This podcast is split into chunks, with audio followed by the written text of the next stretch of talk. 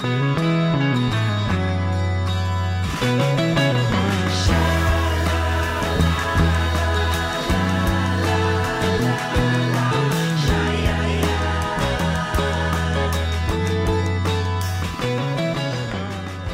här är Regnbågsfamiljspodden, en podd om regnbågsfamiljer.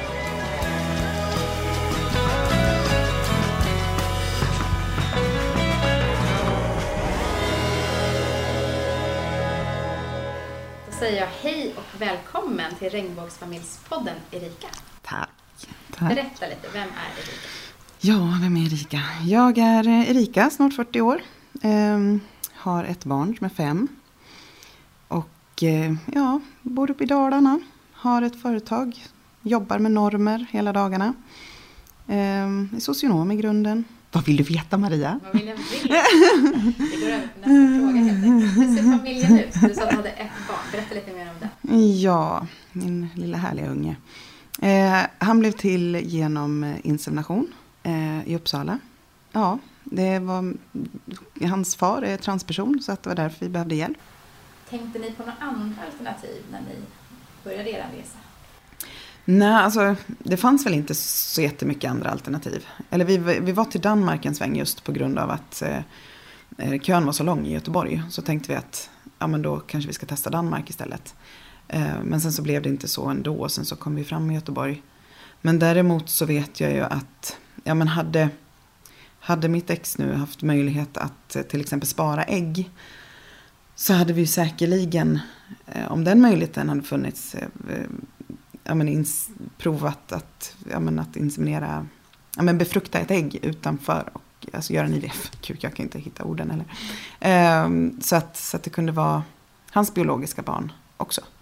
Eh, men, men den möjligheten fanns ju tyvärr inte då, för det här var innan 2013. Så, så att, eh, eller ja, när vi, det var innan 2013 vi träffades. Och, och ehm, så att när han, när han genomgick sin transformering så, så fanns ja, det var ju olagligt att spara ägg eller könsceller. Mm. Vilket jag tror har varit en ganska stor sorg för honom.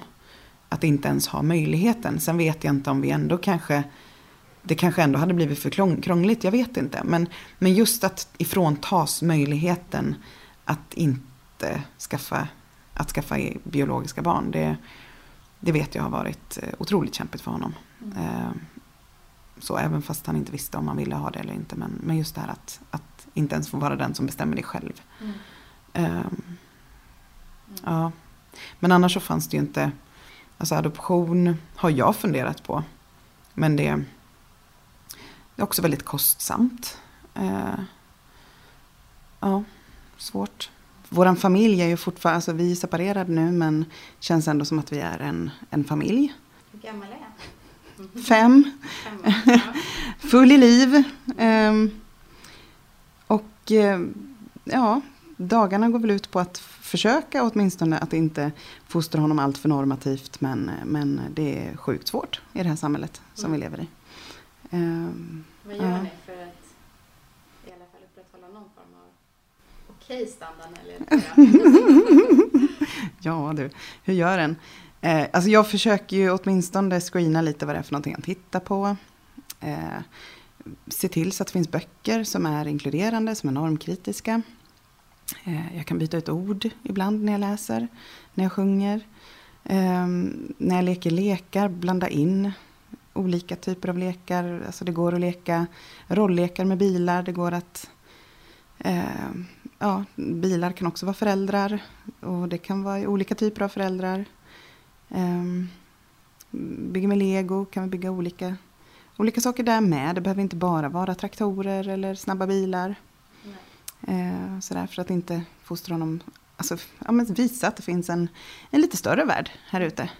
Mm. Har det varit mycket, jag tänker på förskola och liksom omgivningen i stort, har de reagerat på er som familj? Nej, faktiskt. Vi har haft det otroligt smidigt egentligen måste jag säga.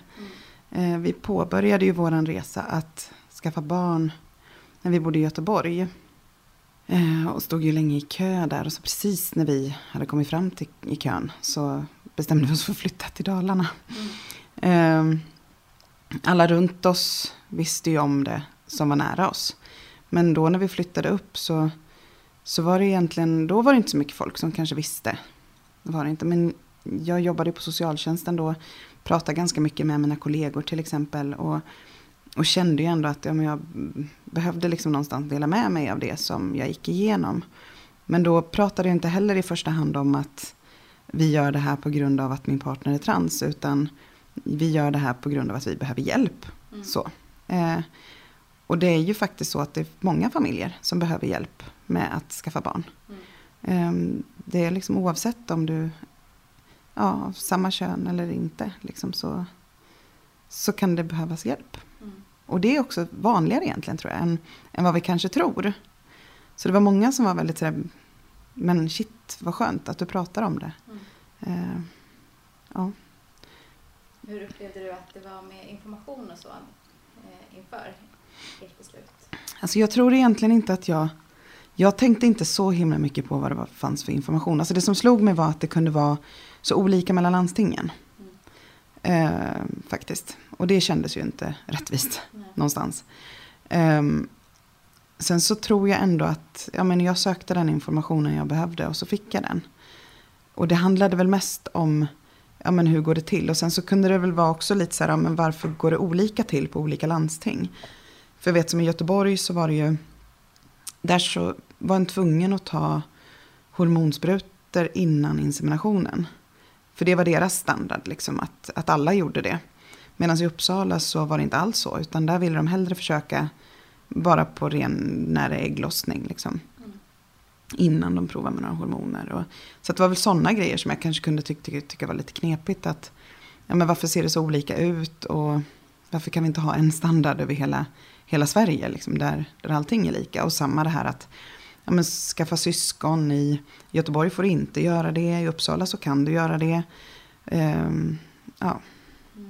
Så det är lite ojämlikt. Det är väl snarare sådana frågor som jag har reflekterat kring tror jag. Mm. Men sen att informationen det har funnits på internet liksom, när jag har sökt på donatorsinsemination till exempel. Mm. Hur var det, för du sa att ni började i Göteborg och sen mm. flyttade. Hur, hur var det? Hur funkade det? Ja, men det funkade också bra. Mm. Ni liksom lyckats bli gravida då? Så att då fick ja, vi hade ju inte prov, vi hade inte påbörjat i Nej, Göteborg. Hade, hade vi inte. Okay. Nej. Utan vi skulle liksom, vi hade precis kommit fram i kön och hade första samtalet med en läkare där. Mm. Och då berättade vi det att nu är det så att vi kommer flytta till Falun. Mm. Eh, hur blir det då? Eh, kommer vi, ja men måste vi, eh, måste vi börja om i köer? Och då hade ju inte den läkaren en aning om hur det fungerade. Utan det var ju så en chansning. Mm. Eh, men sen så visade det sig att det gick mycket snabbare i Falun.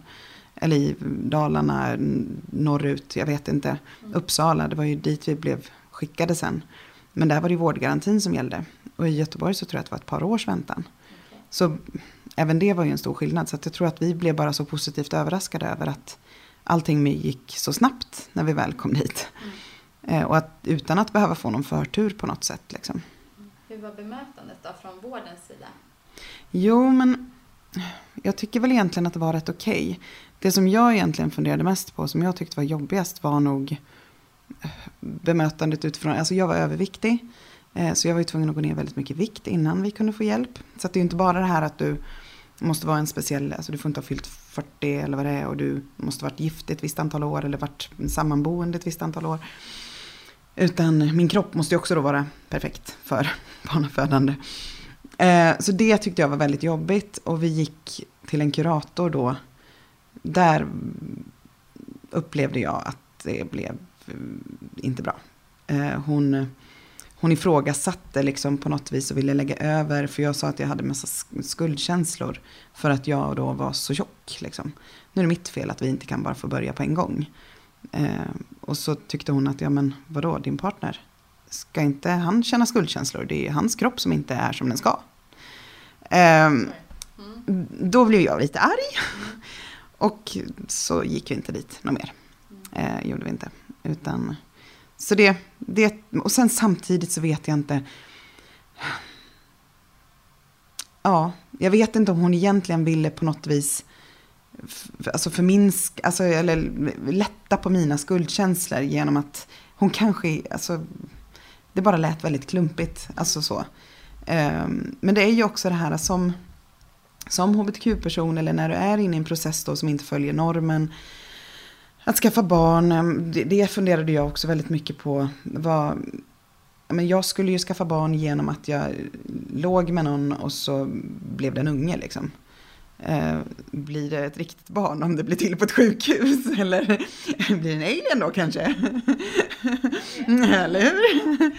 Nej men så att, så att liksom hela det här att vara i den processen var ju rätt jobbig liksom. Och då är det också lätt att tänka in att när någonting blir jobbigt eller när någon säger någonting som en faktiskt tolkar som inte speciellt trevligt så, så lägger jag det på att eh, ja, men den här människan har ju ingen transkunskap överhuvudtaget. Den här är ju bara, vad håller den på med? HBTQ-kunskapen är ju nere på botten här. Mm. Fast den kanske bara var klumpig och rätt mm. trött på sitt jobb, vad vet jag. Mm.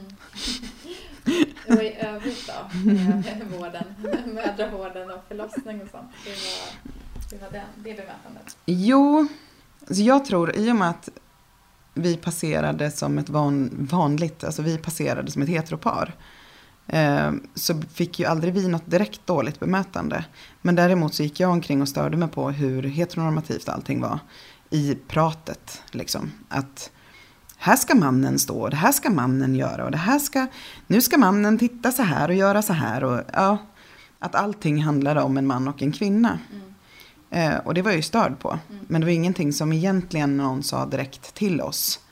Eh, men, eh, ja, men som föräldrautbildningen också, som var innan, mm. var ju också väldigt, väldigt heteronormativ. Mm. Och, eh, och där vet jag också att det fanns en, en ensamstående kvinna med i vår grupp. Som tyckte att det var skitjobbigt. Eh, för att ja, men, hon förväntades ju hela tiden ha en man vid sin sida. När hon liksom inte hade det. Hon var ju själv. Ehm, så det blev minst lika tufft för henne.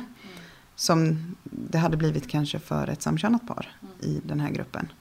Så att e-, egentligen så har vi fått då alltså ganska bra bemötande tycker jag. Um, och sen så tror jag kanske att ja, men det har ju känts enkelt för mig att lyfta sådana här frågor och faktiskt ifrågasätta. Och, och ja, men, fråga, men varför har ni rosa och blå pluppar? Liksom, kan ni inte byta ut dem där? Mm. Och nu tror jag faktiskt att de har gjort det också. Fast det vet jag inte om det var på grund av att jag sa någonting. Men att det, det känns inte jobbigt för mig att, att ifrågasätta. Um, och det kan ju vara skönt mm. och bra att mm. någon kan göra det. Mm. Om du berättar lite om ditt företag då? Ja, mm. mitt jobb. Mitt jobb. Men jag vill ju på något vis ändå att den här världen ska bli lite mer inkluderande för alla. Eh, och det började ju med att jag eh, jag tror, det började väl med att jag jobbade med hbtq-frågor en del som nykläckt socionom. Eh, och fick lära mig om det normkritiska perspektivet. Att vi, liksom, vi kan inte prata hbtq-frågor utan att prata om normer och hur normer samverkar och hur vi får olika typer av maktpositioner beroende på vilket rum vi är, vilken situation och liksom vilka vi är. Eh, så att jag har väl ja, men ganska länge försökt driva de frågorna i mitt van, vanliga jobb då som socionom. Och har gjort det och kunnat haft möjlighet, vilket jag har varit jättekul. Men då har jag också känt att ja, men jag måste ju få göra det här hela tiden. Jag måste få göra det, inte bara vid sidan av, utan eh, faktiskt hela tiden, jämt. så, då, så då startade jag mitt företag Normsmart.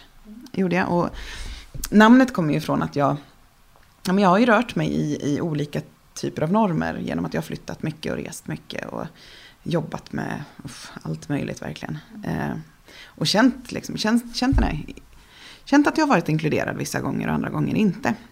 Eh, för det är ju när vi rör oss i olika rum så, så måste vi förhålla oss till olika typer av normer hela tiden. Och det är ju oavsett om vi är hbtq-personer eller inte så finns det ju mycket andra normer med. Och det finns ju normer som kan vara knepiga men det finns ju rent diskriminerande normer såklart. Och just? Ja, men det kan vara knepigt med eh, knepigt och även exkluderande till exempel alkoholnormen.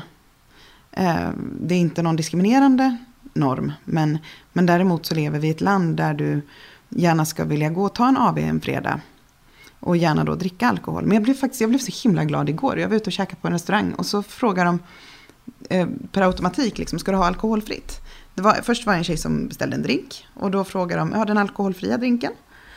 Eh, och så skulle hon inte ha det, men ändå. Eh, och sen så var det en annan som beställde en öl och så frågade jag, ja men det, det alkohol, den alkoholfria ölen. Alltså att de ändå tog det som, som första alternativ. Det tyckte jag, det, det gjorde mig lite glad faktiskt. Men det är ju en sån norm som, som kan bli väldigt exkluderande i en arbetsgrupp. Jag jobbar ju mycket med arbetsgrupper och olika typer av organisationer och företag just för att de ska bli bättre både gentemot sig själva, alltså i bemötandet i arbetsgruppen, men sen också till syvende och sist ut mot kunderna. Mm. För att någonstans bemöter ni inte varandra schysst och har ni inte en schysst arbetsnorm så kommer liksom inte ni bemöta dem schysst utåt mot kunder heller. Mm. Så mm, det gör jag. Och då är det också, om jag lyfter sådana typer av normer som alla på något vis kan förhålla sig till. Eh, så, så blir det lättare att prata sen heteronormer eller könsnormer. Och, och det kan också, när den lyfter på, till det liksom mera strukturella perspektivet att ja, men vi alla har normer som vi förhåller oss till. Det är inte så att du gör fel. Utan det är faktiskt så att du, du är uppvuxen i en norm som säger att du ska göra på det här sättet. Mm. Då blir det också enklare att förändra. Mm. upplever jag det som i alla fall. Det, det får... samma typ av kritik? Liksom... Nej men precis. Alltså, det, nej, det, det blir enklare, mera talbart. Mm. Eh, att det här har vi skapat kanske tillsammans. Det är inte du som har gjort det här. Utan, eh, och då är det lättare att förändra. Mm. Och det är häftigt. Mm, så det gör jag i mitt företag. Ja, och så här, håller workshops och föreläser och handleder. Och, och har ju också en podd. Normsmart-podden. Ja. Tillsammans med Lina Bodestad som är psykolog. Ja. Um, och hon har ju också skrivit lite böcker på temat. Mm. Får. Ja, det får ni göra. Ja, får ni göra. Mm. Eh, om man går tillbaka då till eh, själva liksom familjelivet och, och er konstellation. Har ni, mm. Är det någonting som du upplever som har varit svårt? Alltså det är ju... Det är klart att det, det jag tycker fortfarande att det kan vara lite så här svårt. Ja, men, Mamma, varför har pappa snippa och inte snopp? Kommer jag få snippa när jag blir stor? Varför har du bröst och pappa inte? Um, har pappa haft bröst? Alltså de här rent kroppsliga funderingarna som kommer nu. Och samtidigt så är det, alltså det är svårt men samtidigt så kan jag känna att det är lite befriande. Det är så skönt att ett barn bara kan ställa sådana frågor utan att det är något konstigt. Mm. Ehm, sen, jag tycker att eh, vårt barn går på en jättebra förskola. Och jag, jag har till och med varit där och utbildat dem och de är väldigt nyfikna och intresserade och vill liksom jobba normkritiskt. Och de vill, alltså de, det är snart Pride här i Falun, 14 september. Så, så ehm, då, kommer, då har de en hel avdelning också. De går i, i paraden och eh, verkligen står upp för alla människors lika värde. Liksom. Och, så det, det, betyder ju såklart väldigt mycket att vi har mycket stöttande människor runt oss. Mm. Uh, gör det. Ja. Får han frågor från kompisar och andra? Upplever du eller? Inte än så länge, inte vad jag vet i alla fall. Uh, faktiskt. Mm. Och det är väl, han är ju inte så gammal än, det är ju bara, han är ju bara fem. Mm. Liksom. Mm. Och hur rustar man honom för att kunna svara på den typen av frågor? Vad, vad säger man? Ja du, alltså jag tänker att som, som grundläggande oavsett vad du har för barn så handlar det om att ge ditt barn en trygghet. Eh, en trygghet i att så här, kunna känna att jag kan prata med mina föräldrar om vad som helst. Eh, ja, men som här om veckan så hade han gjort något som inte var så bra på förskolan. Och då pratar vi båda två med honom om det. Och pratar väldigt mycket om liksom att du, ja, men du måste veta att vi älskar dig oavsett vad du gör för någonting. Eh, men de här handlingarna är inte okej. Okay. Men du måste känna att du kan komma och prata med oss om det. Eh, för det är viktigt och det är viktigt att prata med en vuxen om, om det som är svårt eller jobbigt och sådär. Så jag tänker att oavsett vad, vad för svårigheter som han kommer komma i, om det då handlar om könsidentitet eller sexualitet eller annat, så, så vill jag att han ska vara rustad med tryggheten att, att kunna prata med sina föräldrar och kunna känna att oavsett vem han är så kommer han kunna vara trygg hemma. Mm. Eh, så. Mm. Sen vet den ju aldrig. Det går ju inte att rusta sitt barn för allting. Mm. Och känna lite tillit till att livet också får ha sin gång på något vis. Ja, jag vet inte. Men så tror jag också att om ni är trygga och liksom eh, vad ska man säga? Men du sa att du inte har problem med att liksom ställa frågor eller mm. liksom, ja, så, så, så smittar det också såklart av sig på, på sitt barn. Ja men eller hur. Och jag tänker att ju, ju äldre han blir desto mer kommer väl han förstå också vad jag jobbar med för någonting. Eh, och ja, men så här, det hänger nakna bröst på väggen liksom. Och, ja, men så här, eh, jag, ja, jag vill att han ska kunna känna att vi kan prata om allt. Mm. Eh, sen kanske i och för sig det är inte allting som man vill prata med sina föräldrar om, men, men ändå. Ja. Mm. Ha den grunden. Ja, en grundtrygghet. Mm.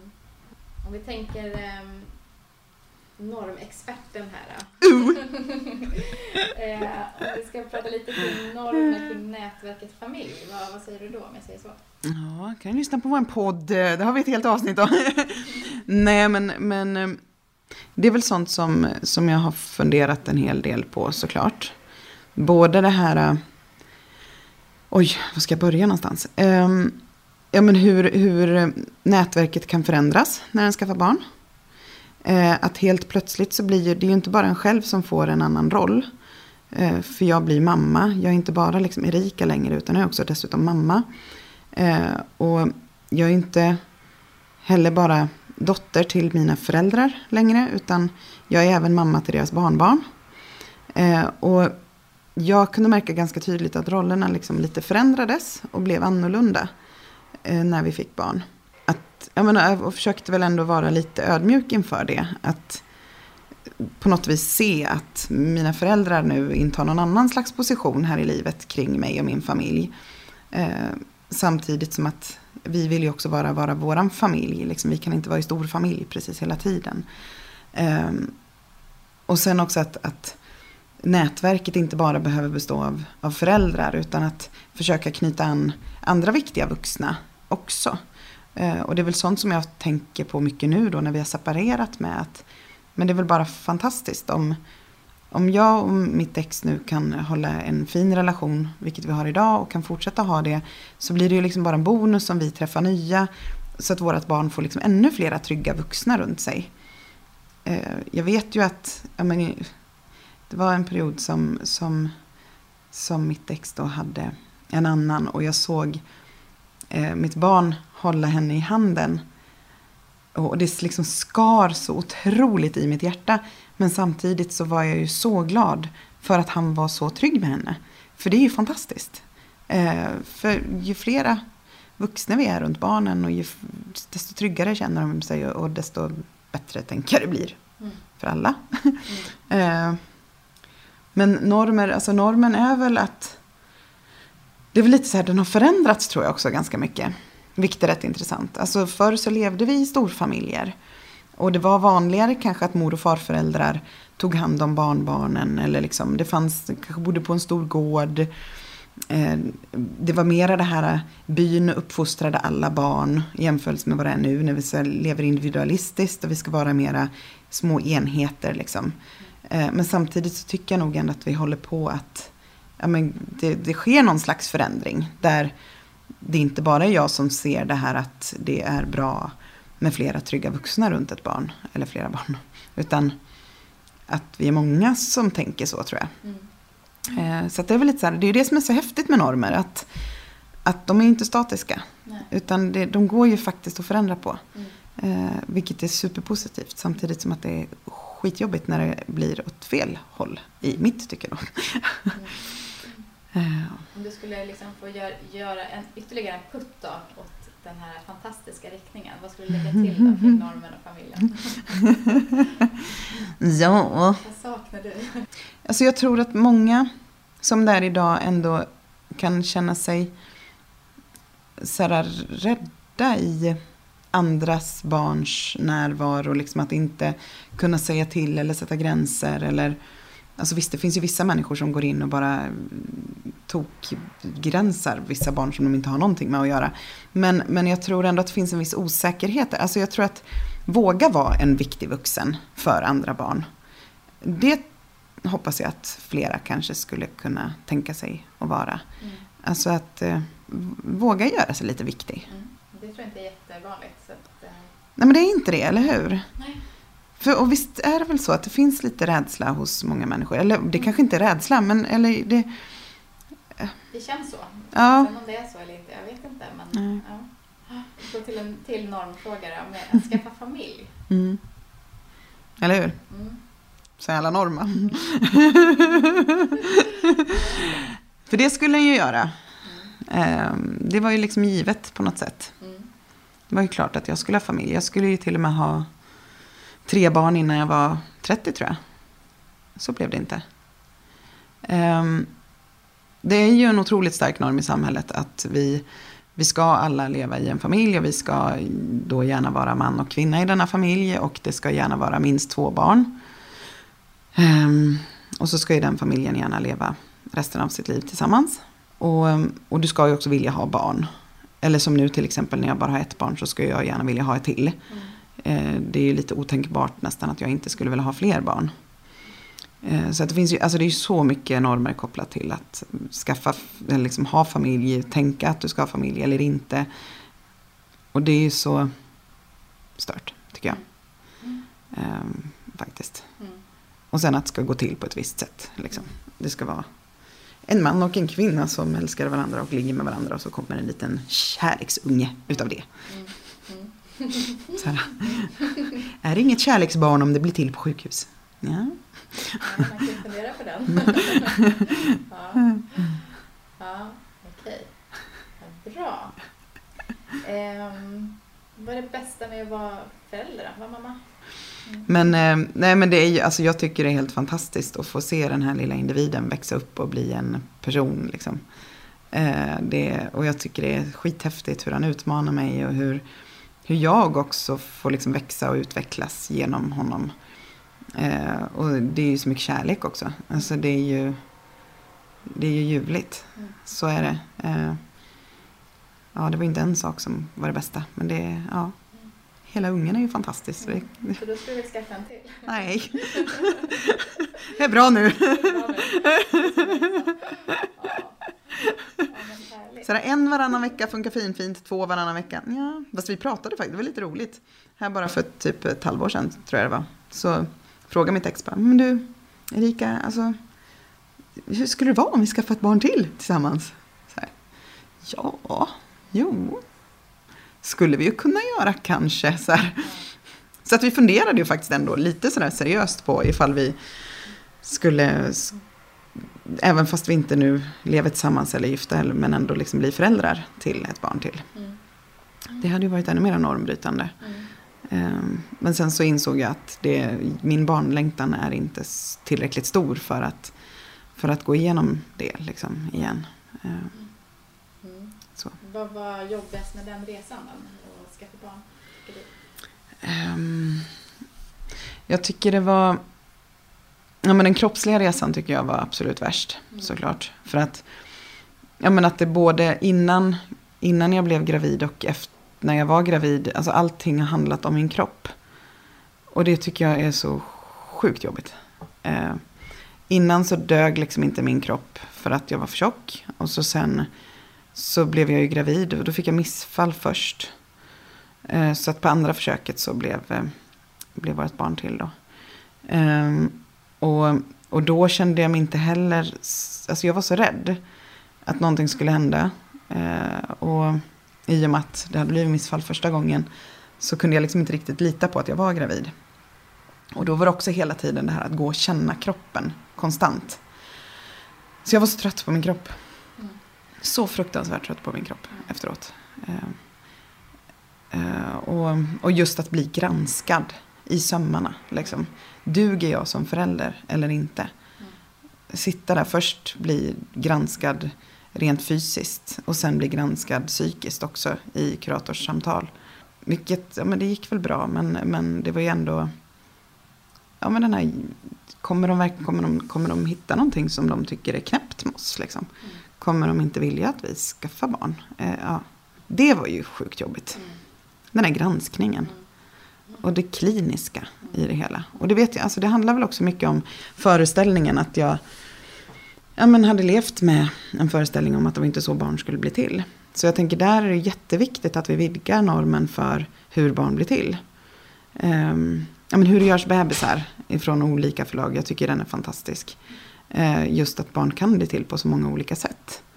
Och visa det för barn och omgivning.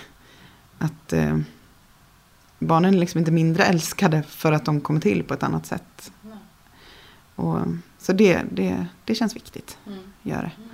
Mm. Och, ja. Mm. Det är ju lite sorgligt att man inte istället för att liksom verkligen klappa sig på axeln och sin fantastiska kropp, att Mm. man ändå ska gå och känna, känna den. Alltså liksom Mm. så. Ehm, men det kanske vände efteråt när du hade resultatet. Kände du att kroppen var fantastisk då eller liksom satt den ändå kvar? Eller? Ja, jag vet inte. Jag, jag är ju kvinna, eh, ser mig själv som kvinna, cis-kvinna. Eh, och har ett problematiskt förhållande till min kropp. Som jag tror otroligt många med mig, som också är cis-kvinnor. Mm. Eh, sorgligt nog. Ja, men levt ett helt liv med tanken på, duger min kropp eller inte? Mm. Det var väl det bara att, att under graviditeten och innan och så, så blev det så otroligt tydligt. Eh, och jag kan, jag kan inte säga att jag idag, alltså visst jag kan stundvis känna att, ja men shit, coolt ändå. Att den här kroppen faktiskt har fött ut den här ungen. Och liksom, den blev till i min mage, det är helt galet. Och den tanken kan vara lite svindlande och då kan jag klappa mig lite själv på axeln och tänka, men wow. Mm. Men sen så kommer en dag med Mm. ja, sociala medier och allt annat som vi har runt oss som bara pockar på och som säger att jag duger inte. Mm. Och då är det svårt. Är det. Kroppsnormen för kvinnor är inte så kul. Är den inte. Och hur ändrar vi den då? Ja, ja, men med positiva förebilder tänker jag. Alltså, det finns ju många fina föregångare just nu. Den kroppspositivistiska rörelsen är ju ganska stor och det tycker jag är skithäftigt. Verkligen. Eh, att, ja, men det känns som att det ändå förändras lite grann. Men eh, det tar ju tid. Och normförändring tar ju tid. Så är det ju. Det, det är ju liksom ingen quick fix. Men om vi inte pratar om det så blir det ju definitivt ingen förändring. Så vi måste ju börja någonstans.